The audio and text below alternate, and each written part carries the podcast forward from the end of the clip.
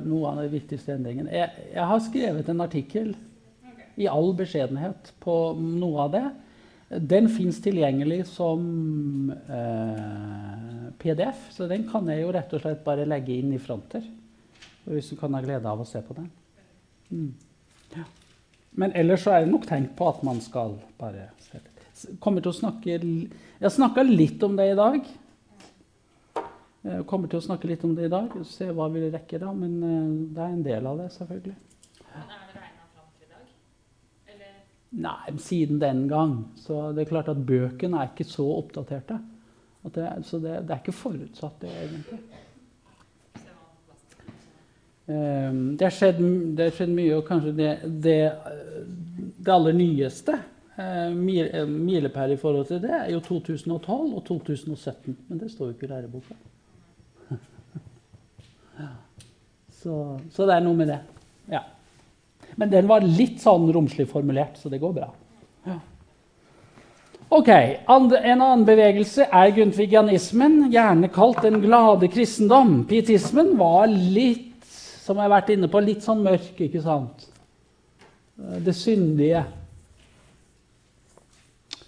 Um, pessimistiske, det man måtte vende ryggen, ikke sant?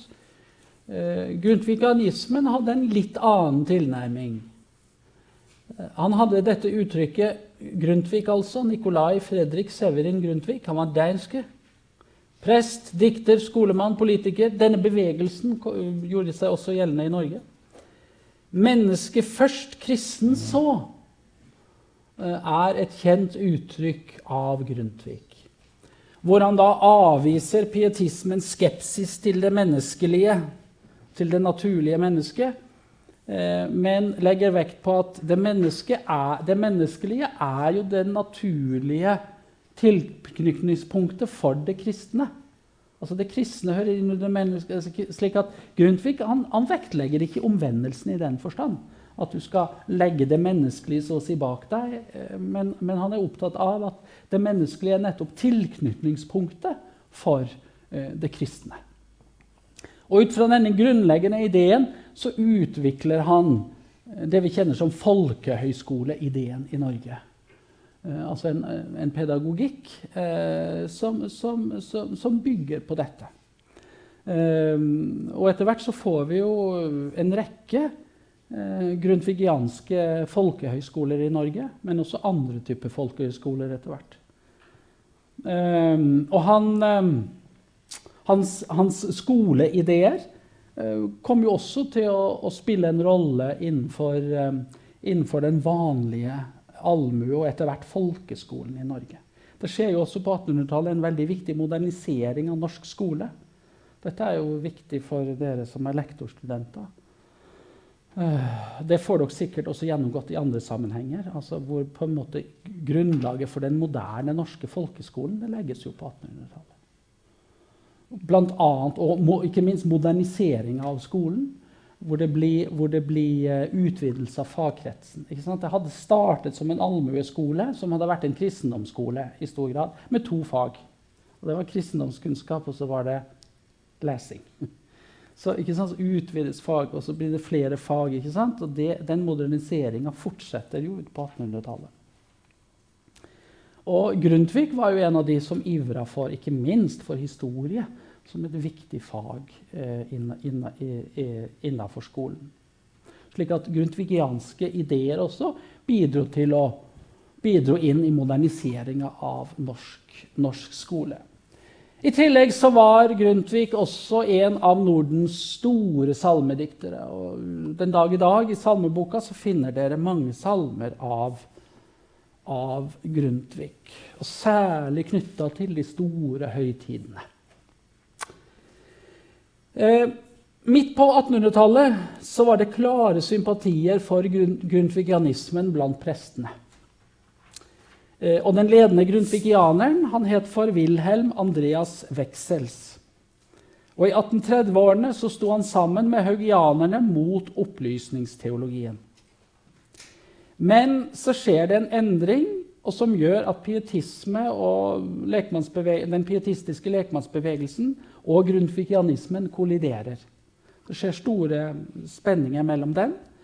Um, og det var særlig da knytta til det, den såkalte forklaringsstriden. Det var jo sånn at man skulle ha en ny forklaring, en ny, um, en ny utgave av Pontoppidans forklaring. Så var den sentrale læreboka i skolen og i konfirmasjonsopplæringa. Eh, så var det en komité hvor Veksels var en av medlemmene. Eh, og der gjorde de noen endringer som ty, som tyda på et klart sånt grundtvigiansk preg. Kanskje særlig på dette at man, eh, man svekka ikke sant, talen om det syndige mennesket og mennesket som trengte frelse. Og det reagerte eh, lekmannsbevegelsen eh, veldig sterkt på. Og, og, skapte en motstand mot denne forklaringa. Og myndighetene måtte gå tilbake på det, egentlig. Og, og, og siden den tida, siden denne forklaringsstriden, så var det en klar motsetning mellom grundtvigianisme på den ene sida og den pietistiske lekmannsbevegelsen på den andre siden. Eh, og egentlig så eh, gikk grundtvigianismen til grunne som en kirkelig retning, men fortsatte innenfor skolen da, i, i, i større grad. Og, det ble jo en allianse da, mellom lekfolket, på den, den pietistiske lekfolket på den ene sida, og Det teologiske fakultet, som, var, eh, eh, som, var, som gikk mot grundtvigianismen på denne tida, på 1800-tallet. og forsøkte å bekjempe grundtvigianismen som kirkelig retning. Hvilket de også i stor grad lykkes, lyktes med. I Danmark for eksempel, har jo grundtvigianismen hele tiden vært sterk, men ikke hos oss pga. kampen mot den fra pietistisk hold i vesentlig grad. Ja. Men den fortsatte som en skolebevegelse. Det er viktig å si. Um, Læstadianismen er en annen viktig bevegelse på 1800-tallet, i særlig grad knytta til Nord-Norge. Nord Vi ser gjerne at det Hans Nissen Hauge og haugianismen var for Sør-Norge, det var Lars Levi Stadius og læstadianismen for Nord-Norge. Det er veldig enkelt sagt, veldig generelt sagt, men likevel eh, har det et poeng. Vekkelse rundt Lars Levi Stadius, eh, som var prest i Nord-Sverige. Og denne vekkelsen fant fort veien over grensene, formidla av flyttsamer. Lestadius selv sendte også predikanter til Norge og samer fra Norge var også over i Nord-Sverige for å høre Lestadius forkynne. Og dette var jo i en periode hvor uh, Ja, ikke sant? Nordkalotten, altså, altså uh, Samene de bevegde seg over grensene på Nordkalotten. Blant samene i Kautokeino så fikk vekkelsen et fanatisk preg og endte i det kjente Kautokeino-opprøret november 1852. Eh, hvor, eh, hvor, samer som var grepet av vekkelsen, eh, drepte handelsmannen og lensmannen og piska presten. Og satte fyr på Brente ned handelsmannens hus og knuste vinduene i prestegården. Altså det var et skikkelig sånn, opprør. Og etter dette opprøret ikke sant, med, med, med februarrevolusjonen 1848 i Europa frist i minne Myndighetene var livredde for om det var et opprør på gang, og strammer til. Og, og etter, etter Kautokeino-opprøret så får vi en ganske massiv fornorskingspolitikk overfor de samiske områdene. Eh, i forhold til å assimilere og, og, integrere samene, ikke minst språklig, men også kulturelt, i det norske samfunnet. Eh, og sameopprøret, kan vi si, det, altså, det ble jo utdelt eh, eh, harde straffer for de som hadde vært med på det. Og de som ble ansett som hovedmennene bak eh, Kautokeino-opprøret, de, eh, de, ble jo da også eh, dømt til døden. To av dem ble, ble, ble halshogd. Så det endte med, med nederlag. Det var ingen samla motstand. Og, og, etter opprøret kom som jeg sa, en periode med sterk fornorsking. Eh, samtidig så var lestianismen det var en religion på en måte, en religiøs retning. Eh, eh, som på en måte gav samene form for, en form for uh, en form for støtte ut fra deres livssituasjon.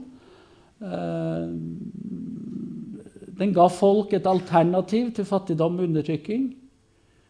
Økonomisk fattigdom ble gjort om til åndelig rikdom. Og på mange måter så ble den læstadianske bevegelsen i denne tida en motkultur til storsamfunnet gjennom nøysomhet og nei til pynt og luksus. Gjør, vi gjør ikke som de velstående gjør. og Det er noe av bakgrunnen for at helt opp til våre dager så har man jo sett at i læsterianske hjem så skulle man ikke ha gardiner eller øh, Ikke blomster i vinduene, ikke, ikke pynt. Og når fjernsynet kom, i hvert fall ikke fjernsyn.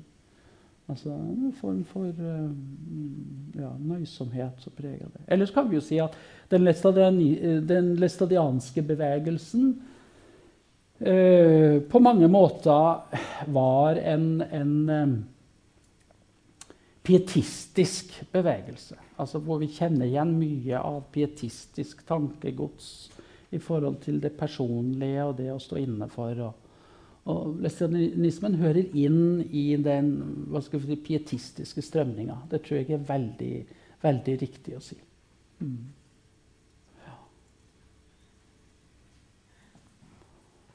Det er mye å si om uh, lestadianismen. Altså, det er en bevegelse som uh, er høyst levende den dag i dag.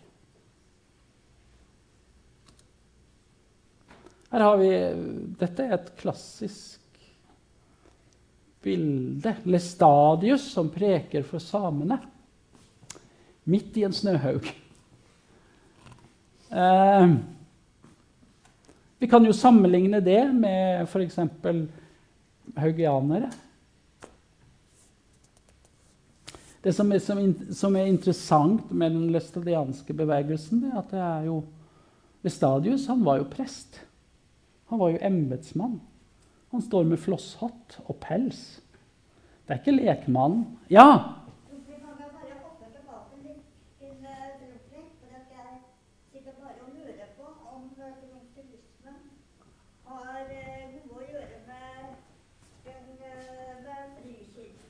Grundtvigianismen?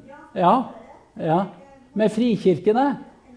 Nei, det er, en, det, er en, det er en bevegelse innenfor den evangelisk-lutherske kirke. Ja, ja. Så det er ingen frikirkelig, det er ingen frikirkelig bevegelse. Nei. Ja, ja, det er ingen frikirkelig bevegelse. Det er viktig å si. Og akkurat som lekmannsbevegelsen og haugianerne også var innenfor den evangelisk-lutherske. De utviklet seg heller ikke i frikirkelig retning. De ble bevart innenfor statskirken. Det er viktig å si. Ja, så det gjelder det. Og det gjelder også lestadianismen. Det gjelder også lestadianismen. Det er, det er ikke frikirkelig. Alt dette er innenfor den evangelisk-lutherske kirke. Ja. Bra spørsmål. Ikke sant? Det er masse vekkelser. 1800-tallet er masse vekkelser. Og så må jeg nevne Jonsson også. Eh, vekkelsesleder og teologiprofessor her.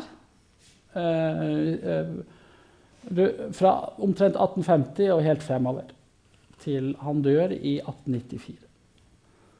Han holder bibellesninger i Kristiania, skaper en vekkelse.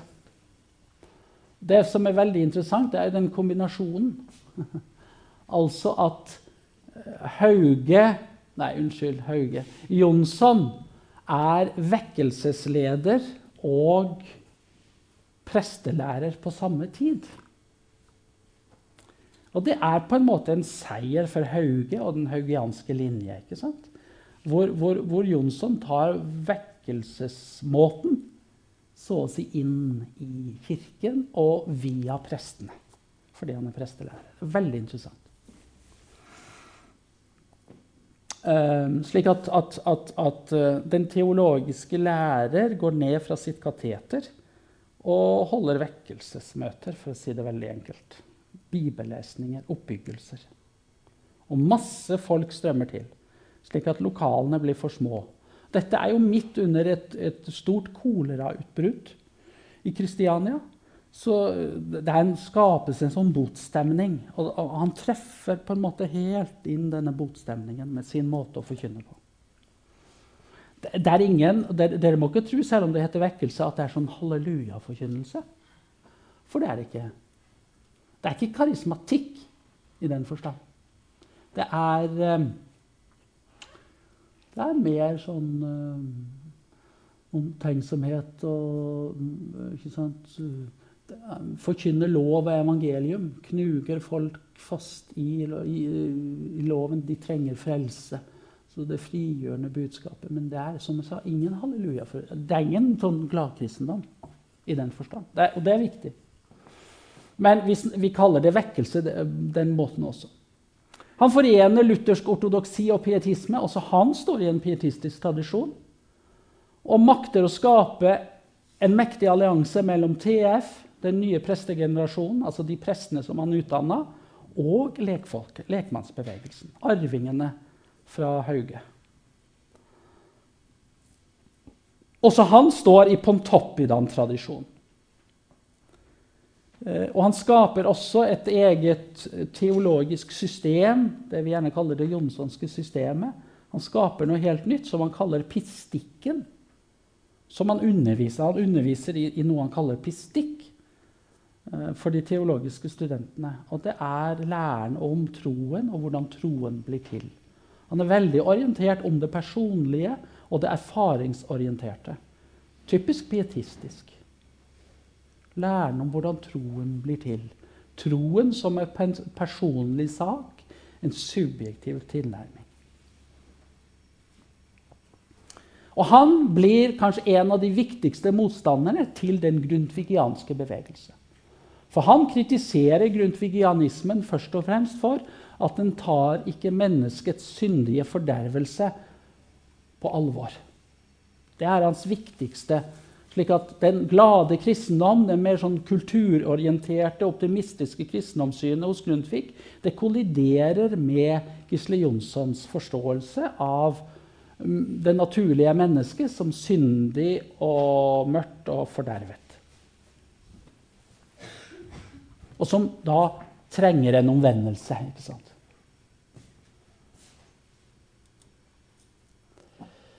Og de prestene da, som ble utdannet i denne perioden, altså fra rundt 1850 og fremover, som satt under hans kateter, de ble jo preget av vekkelsesidealene og førte vekkelsesforkynnelsen opp på de personlige krav om avgjørelse osv. opp på prekestolene i statskirken. Og de gikk til kamp mot vanekristendom i folkekirka, som, som de tordna imot. Um, og vekkelsesbevegelsen og presteskapet kom sammen til å sette en ny standard for hva som var rett kristen tro og livsholdning, men skilte seg dermed ut fra den kollektive religiøsiteten i lokalsamfunn. Og egentlig så kan vi si at vekkelseskristendommen på denne måten, når den også ble ført inn i statskirka og opp på prekestolene i den lutherske kirke og nådde utover hele landet på en måte gjennom prestene, så, den, eh, så førte det til en desintegrasjon, religiøshet, i lokalsamfunnet. For det at klart, de menneskene da som ikke av ulike grunner ikke kunne forholde seg til dette, til denne standarden om denne måten å være kristen på, de ble på en måte skalla ut når dette ble satt opp som idealet. De da som ikke kunne svare til idealet, de ble på en måte marginalisert. Kristentrua ble privatisert og individualisert. Avskallinga osv. førte jo til en sekularisering. Derfor kan vi jo godt si at vekkelse og sekularisering på en måte ble to sider av samme sak. Skjønner dere greia? Vekkelse og sekularisering, to sider av samme sak. Var den litt, uh, var den litt vrang? Litt vanskelig? Hmm. Hvis, vekkelse, hvis, hvis vekkelse, Og krav om vekkelse blir det store ideal som alle må passe i. Den forma som alle må gå inn i. Så er det klart at hvis den forma ikke passer for deg, så vil du holde deg borte. ikke sant? Da skjer det på en måte en form for avskalling. Ikke sant? Da fører det jo til at folk på en måte tar avstand fra, fra, fra kristendom, fra kirke, på den måten. Ved å holde seg borte. ikke sant? Får større avstand til dette. For vekkelse er ikke noe vi kan identifisere oss med. Så, ikke sant? Da gir vi på en måte kirka på båten. Altså, det har jo hva skal vi si, en sekulariserende virkning. Derfor sier jeg vekkelse og sekularisering på den måten to sider av samme sak.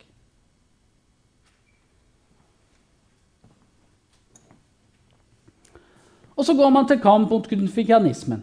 Hovedproblemet med grundtvigianismen er at Grundtvig ikke hadde syn for menneskenaturens grunnfordervelse, som Gisle Jonsson sa. Grunnfordervelse. Mennesket er av naturen fordervet. Det er syndens barn som må omvendes. Der var Gisle Jonsson. Veldig alvorlig fyr. Her er et sånn eldre bilde. Så litt eh, mer optimistisk ut når han var yngre. Eh, men han er en ettertenksom fyr. Mm. Når vi snakker om misjonsbevegelse Nå skal vi snakke om indremisjon. Indremisjon snakket vi også om da vi tok for oss Europa. Den nyeste utviklinga i forhold til protestantisme og møtet med det industrialiserte Europa. ikke sant? Eh, hvordan skulle man møte de sosiale utfordringene i det industrialiserte og etter hvert urbaniserte Europa. Noe av det samme får vi her.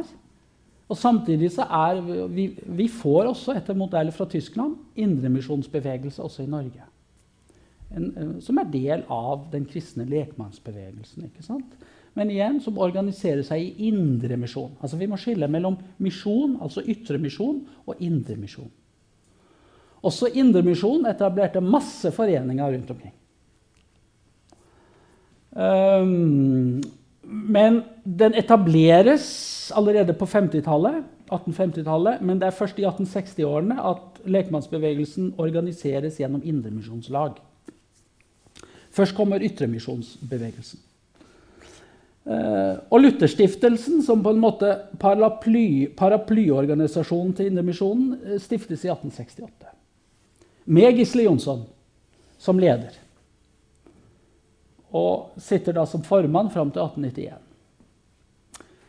Og Indremisjonen i Norge den, den, drev også sosial virksomhet, men kanskje hadde største fokuset på å spre ordet. Eh, altså forkynne, evangelisere. Altså den delen av indremisjonsarbeidet. Eh, men det var jo et lite problem, da. Riktignok så var konventikkelplakaten blitt oppheva i 1842, som vi var inne på. Som, som, gjorde at lekfolk kunne forkynne. Men Gisle Jonsson han var ganske konservativ, så han mente likevel at selv om loven hadde gjort det mulig uh, for lekfolk å forkynne, så var det jo ikke dermed sagt at det religiøst sett var legitimt. Og han var veldig opptatt av å holde seg til den, eh, den um, augsburgske konfesjon, Confessio Augustana, der sto det at enhver som skulle forkynne, måtte være rettelig kallet.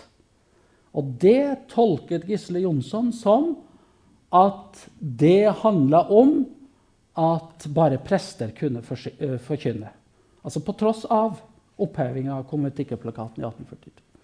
Så Derfor så innførte han det han kalte nødsprinsippet som prinsipp i indremisjonen.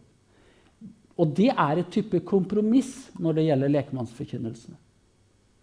Så vi gjør dette fordi det er sånn stor nød i vårt samfunn og i vår kirke.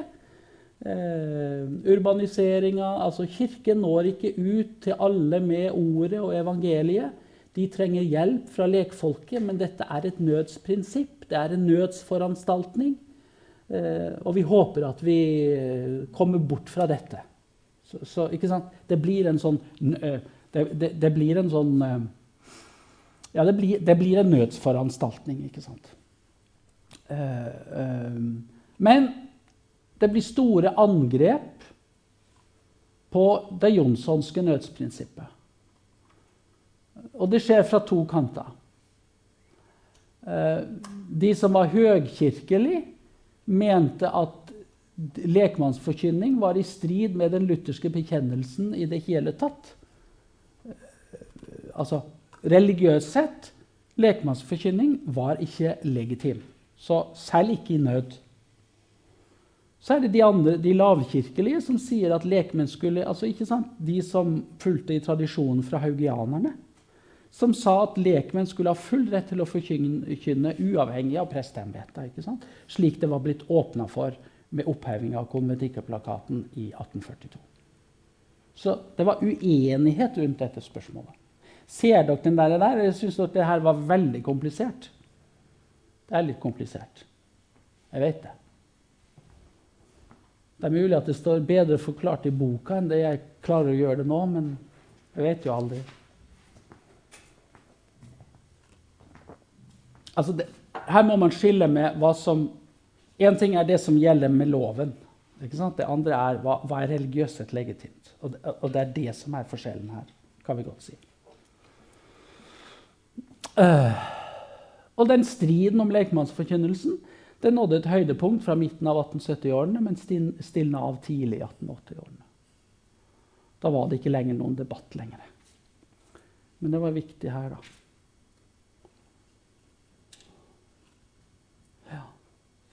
Da må bare spørre hvis noe er uklart i forbindelse med det her. Og man hadde sånne bibelbud som gikk rundt og hadde med seg brosjyrer og sånn eh, i forbindelse med å spre. ikke sant? Det var viktig med dette med å spre eh, Og også spredde bibler og sånn. Gjorde bibler tilgjengelig. Det gjorde for øvrig også Bibelselskapet, som var eh, også en viktig organisasjon så skjer det en, en fortsatt eh, institusjonalisering av lekmannsbevegelsen. Helt på slutten av 1800-tallet. 1891 så blir Lutherstiftelsen, altså som ble opprettet i 1868 som paraplyorganisasjonen for Indremisjonen, den blir endra til Det norske lutherske indremisjonsselskap. Og da er nødsprinsippet ikke lenger basis. Man frigjør seg fra nødsprinsippet. Man sier at Lekfolk har rett til å forkynne basta. Vi er ikke avhengig av noe nødsprinsipp. Da går også Gisle Jonsson av som leder. Ehm, det skjer en viss motstand mot, uh, mot Indremisjonsselskapet. Uh, Indremisjonsselskapet hadde basis her i Kristiania. Eh, det var østlandsdominert og sto i tett forbindelse med den offisielle kirka. På Vestlandet var man mer radikal og, og var mer kirkekritisk. Og der stiftet man et eget vestlandsk indremisjonsforbund i 1898. Så vi får altså etter hvert ganske mange organisasjoner innenfor feltet. Og så stiftes i 1890 så var Det norske lutherske Kinamisjonsforbund blitt stifta. Det ble etter hvert endret til um, det ble etter hvert Det endra uh, det etter hvert navn til Det norsk-lutherske indremisjonsforbund. Nei, misjonsforbund. Så man hadde da Man endret, man endret navn underveis. Men, men, for til å begynne med så drev man i stor grad ytremisjon knytta til Kina preget av en radikal kirkekritisk holdning. Og fra 1906 så gikk man inn for at lekfolk også måtte få rett til å forrette nattvær. Det var så langt knytta til prestene. var bare de som hadde lov til det. Så de mente akkurat som på en måte at, at, at forkynnelsen var blitt frigitt med opphevinga av konventikkeplakaten fra 1842, så burde man ta skrittet også til å frigi nattværen. Dette skjedde lovmessig sett, formelt sett, i 1913. Da ble privat nattverdfeiring tillatt. Men fremdeles er jo det et spørsmål om folk skal ha anledning til å forrette nattverd, f.eks. Så én ting er hva er tillatt i jussen, Det annet er hva er tillatt mer sånn religiøst sett og kirkeordningsmessig. Altså, det er en diskusjon. Det har vi sett både når det gjelder forkynnelse, men også nattverdfeiring og natt- nattverdforvaltning. Så det, det, det er en sånn viktig skille. Eh, Den radikale lekmannsbevegelsen ville ikke bryte med folkekirka. De så folkekirka primært som misjonsmark. Og Ludvig Hope, en av de sentrale i Norske lutherske Kinamisjonsforbund, han sa at statskirka er eit stillas vi står på for å bygge Jesu Kristi kirke. I dette ligger det at bare venneflokken, bare din indre krets, egentlig er Guds folk. Mens statskirken som sådan er en sånn folkepedagogisk eh, innretning som er misjonsmark for, for uh, den indre krets. da.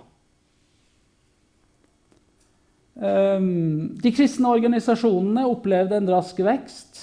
Uh, institusjonalisering av lekmannsbevegelsen skjedde også i takt med den demokratiske utviklinga i samfunnet ellers.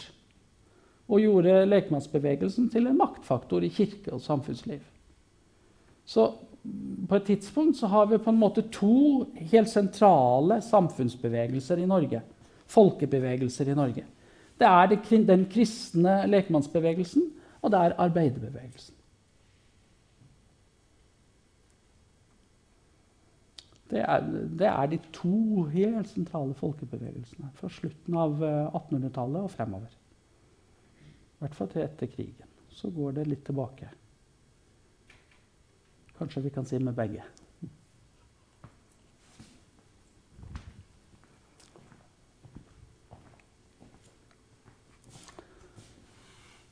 Her er det litt sånn der eh, lov, sånn der religionslovstoff. Ikke sant? 1814, Hva skjedde i 1814? Grunnloven. På det religiøse området videreførte man status quo. Den evangelisk-lutherske religion forbliver statens offentlige religion. Man viderefører et religionsmonopol som har vært der helt siden reformasjonen. Uh, ja. Og jødeparagraf. Og, uh, forbud mot uh, jesuitter og munkeordner. Slik at, at, at, Grunnloven innfører ikke religionsfrihet på noen som helst måte.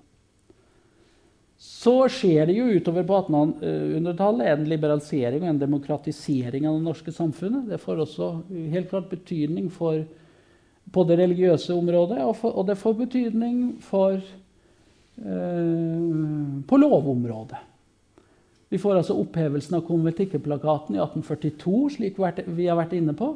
Og vi får dissenterloven av 1845.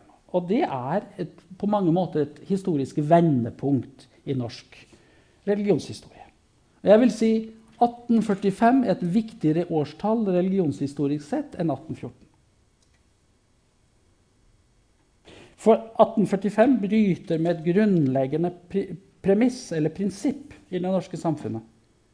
Og det er det at det er ensbetydende med å være norsk og tilhøre Kirken. Det prinsippet brytes i 1845. Det er mulig å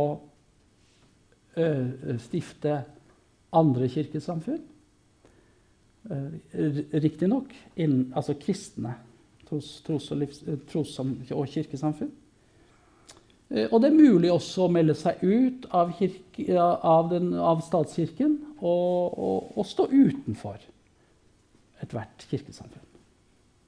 Så Derfor er dette et, et, viktig historisk vendepunkt. Det bryter med eh, det som har vært et historisk viktig premiss så langt. Ja. Det var mulig å melde seg ut av alle kirkesamfunn? Det var mulig å melde seg ut av kirken, ja. Og ikke, ja, ikke være med i noen. Ja, ja. Mm. Og anses som ikke troende. Mm. Og det var godtatt på den tiden? Ja, det var faktisk mulig. 1845. For første gang skjer det altså på prinsipiell basis at det åpnes for en annen religionsutøving enn den evangelisk-lutherske. Den gamle enheten mellom stat, kirke og samfunn er nå i ferd med å oppløses. Og vi får religiøse impulser etter hvert som gjøres gjeldende eh, i det norske samfunnet. Eh, og, eh, og vi, får, vi får altså framveksten av Altså, vi får på Det legges nå til rette for en økende pluralisme, en økende pluralisering religiøst sett av det norske samfunnet. Grunnlaget legges her juridisk sett med dissenterloven av 1845. Da begynner vi å gå veien mot religionsfrihet i Norge. Det som Grunnloven ikke hadde innført, eh, blir nå i økende grad en realitet. Den romersk-katolske kirke hadde fått anledning til allerede i 1843 å opprette en egen menighet i Kristiania. Eh, etter hvert så kommer det andre, andre kirkesamfunn til i ly av dissenterloven. Det er til og med en statskirkeprest som melder seg ut av kirken og, og, og stifter en frikirke, den såkalte Lammersbevegelsen. Um, på 1850-tallet. Ellers så kommer jo de store frikirkene og gjør seg gjeldende hos oss. Uh, i, i, i kjølvannet av uh, dissenterloven. Det er um, metodismen, det er baptismen, Den evangelisk-lutherske frikirke, Norsk misjonsforbund, Frelsesarmeen. Og så får vi etter århundreskiftet pinsebevegelsen.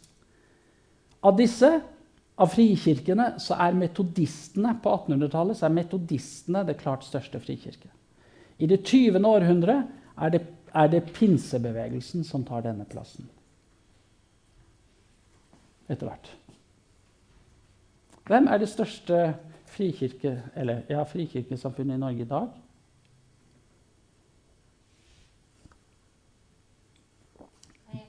Ja, jeg lover å gjette. Chris? Hæ? Pinse? Nei, de har måttet gitt tronen til, en, til, til et annet kirkesamfunn. Nei. Det er litt rart å kalle det frikirkesamfunn, men altså trossamfunn utenfor Den norske kirke, kristent.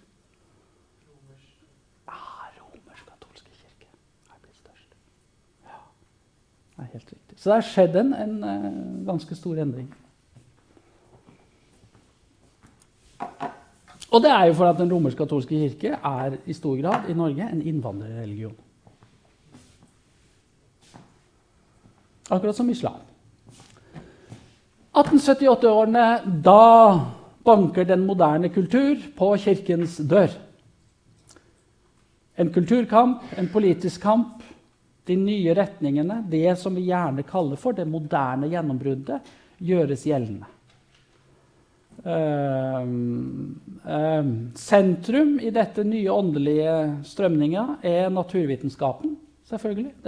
altså 1800-tallet er jo et viktig gjennombrudd for den moderne naturvitenskap, som seira på alle fronter. Eh, mekanisk syn på naturen. Eh, troen på for eksempel, er umulig fordi det opphever naturlovene. Darwinismen, selvfølgelig. Hele, altså hele utviklingslæren. ikke sant?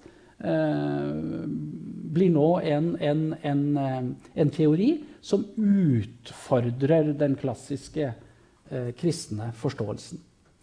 Det skjer også, man, og man får også en kritisk historie- og bibelforskning.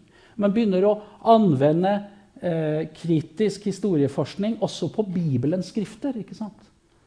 Um, og man oppdager, altså Det skjer jo en revolusjon for eksempel, i forbindelse med oppdagelsen av Eh, av de bibelske skrift, eller gjenoppdagelsen av de bibelske skriftene. Dette med at nyere forskning sier at ja, men, det tradisjonelle synet Moses hadde skrevet Mosebøkene. Så ser man at her er det jo mange kilder, det er mange forfattere. Eh, kildelag altså, Moderne vitenskap som gransker Bibelen på linje med alle andre skrifter eh, nyvinninger innenfor geologien, som f.eks. sier at jorda er kjempegammel. Nei, sier konservative bibelfolk. Jorda er 6000 år gammel. Den. Og det beregner man seg ut fra ved å lese i Det gamle testamentet ikke sant? og tidsfaktorene der. ikke sant? Det blir faktisk et clash på slutten av 1800-tallet når disse tankene kommer opp. Uh, og norske forfattere går i, i, spissen. og Derfor er det moderne gjennombrudd det er jo noe historievitenskapen har lånt fra, egentlig fra litteraturhistoria. Det er jo først og fremst et litteraturhistorisk begrep, det moderne gjennombrudd, som forfatterne står for. Og hvilke forfattere er det vi snakker om når vi snakker om det moderne gjennombruddet i Norge?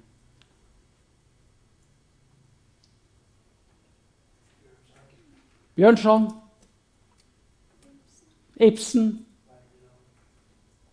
eh, ikke Wergeland. Han, han, han, levde tidligere. Han var patriot, han. Men ikke, ikke i, i, den forstand. Men vi må ha en til. Vi må ha en til. Ja, kom litt senere. Jonas Lie. Og så må vi ha en til. Kielland. Da har vi de fire store. Og så må vi ha én til.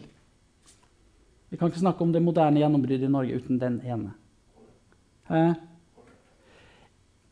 Mm, jeg, vil, jeg, jeg, vil, foretrekke Garborg. Arne Garborg. ikke sant? Bondestudenter og trette menn. og Han er litt i det samme. Han starter som en ivrig forsvarer for det kristne enhetssamfunnet, men ender opp uh, en representant for det moderne gjennombrudd. Altså, disse står i spissen for det, og de får en, forfatterne får en veldig viktig ringvirkning i samfunnet i forhold til det moderne gjennombruddet og blir viktig agent. Og nå blir på en måte tradisjonell, konservativ kristendom utfordra av dette nye, av det moderne som kommer.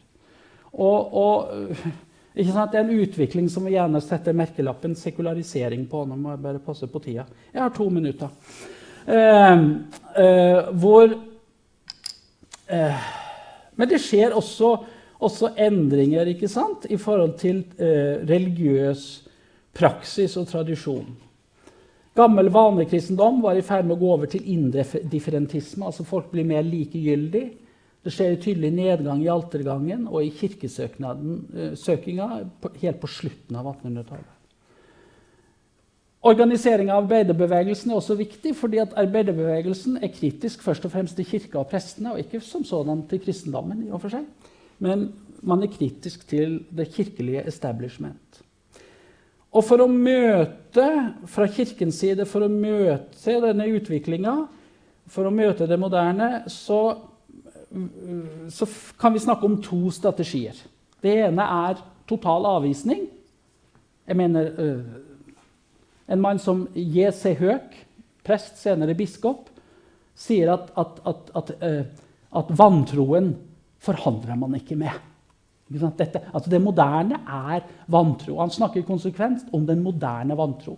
Og vantroen, hedenskapen, på en måte, det er, det er et moderne hedenskap, sier han.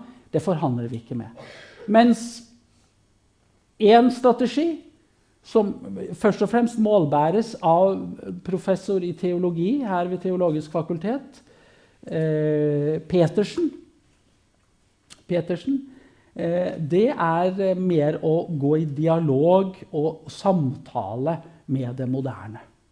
Man ser at Kristendommen har jo alt å vinne på vitenskapens fremskritt. og alt dette. Og vi har alt å vinne på å gå, å gå i dialog eh, med det nye som skjer.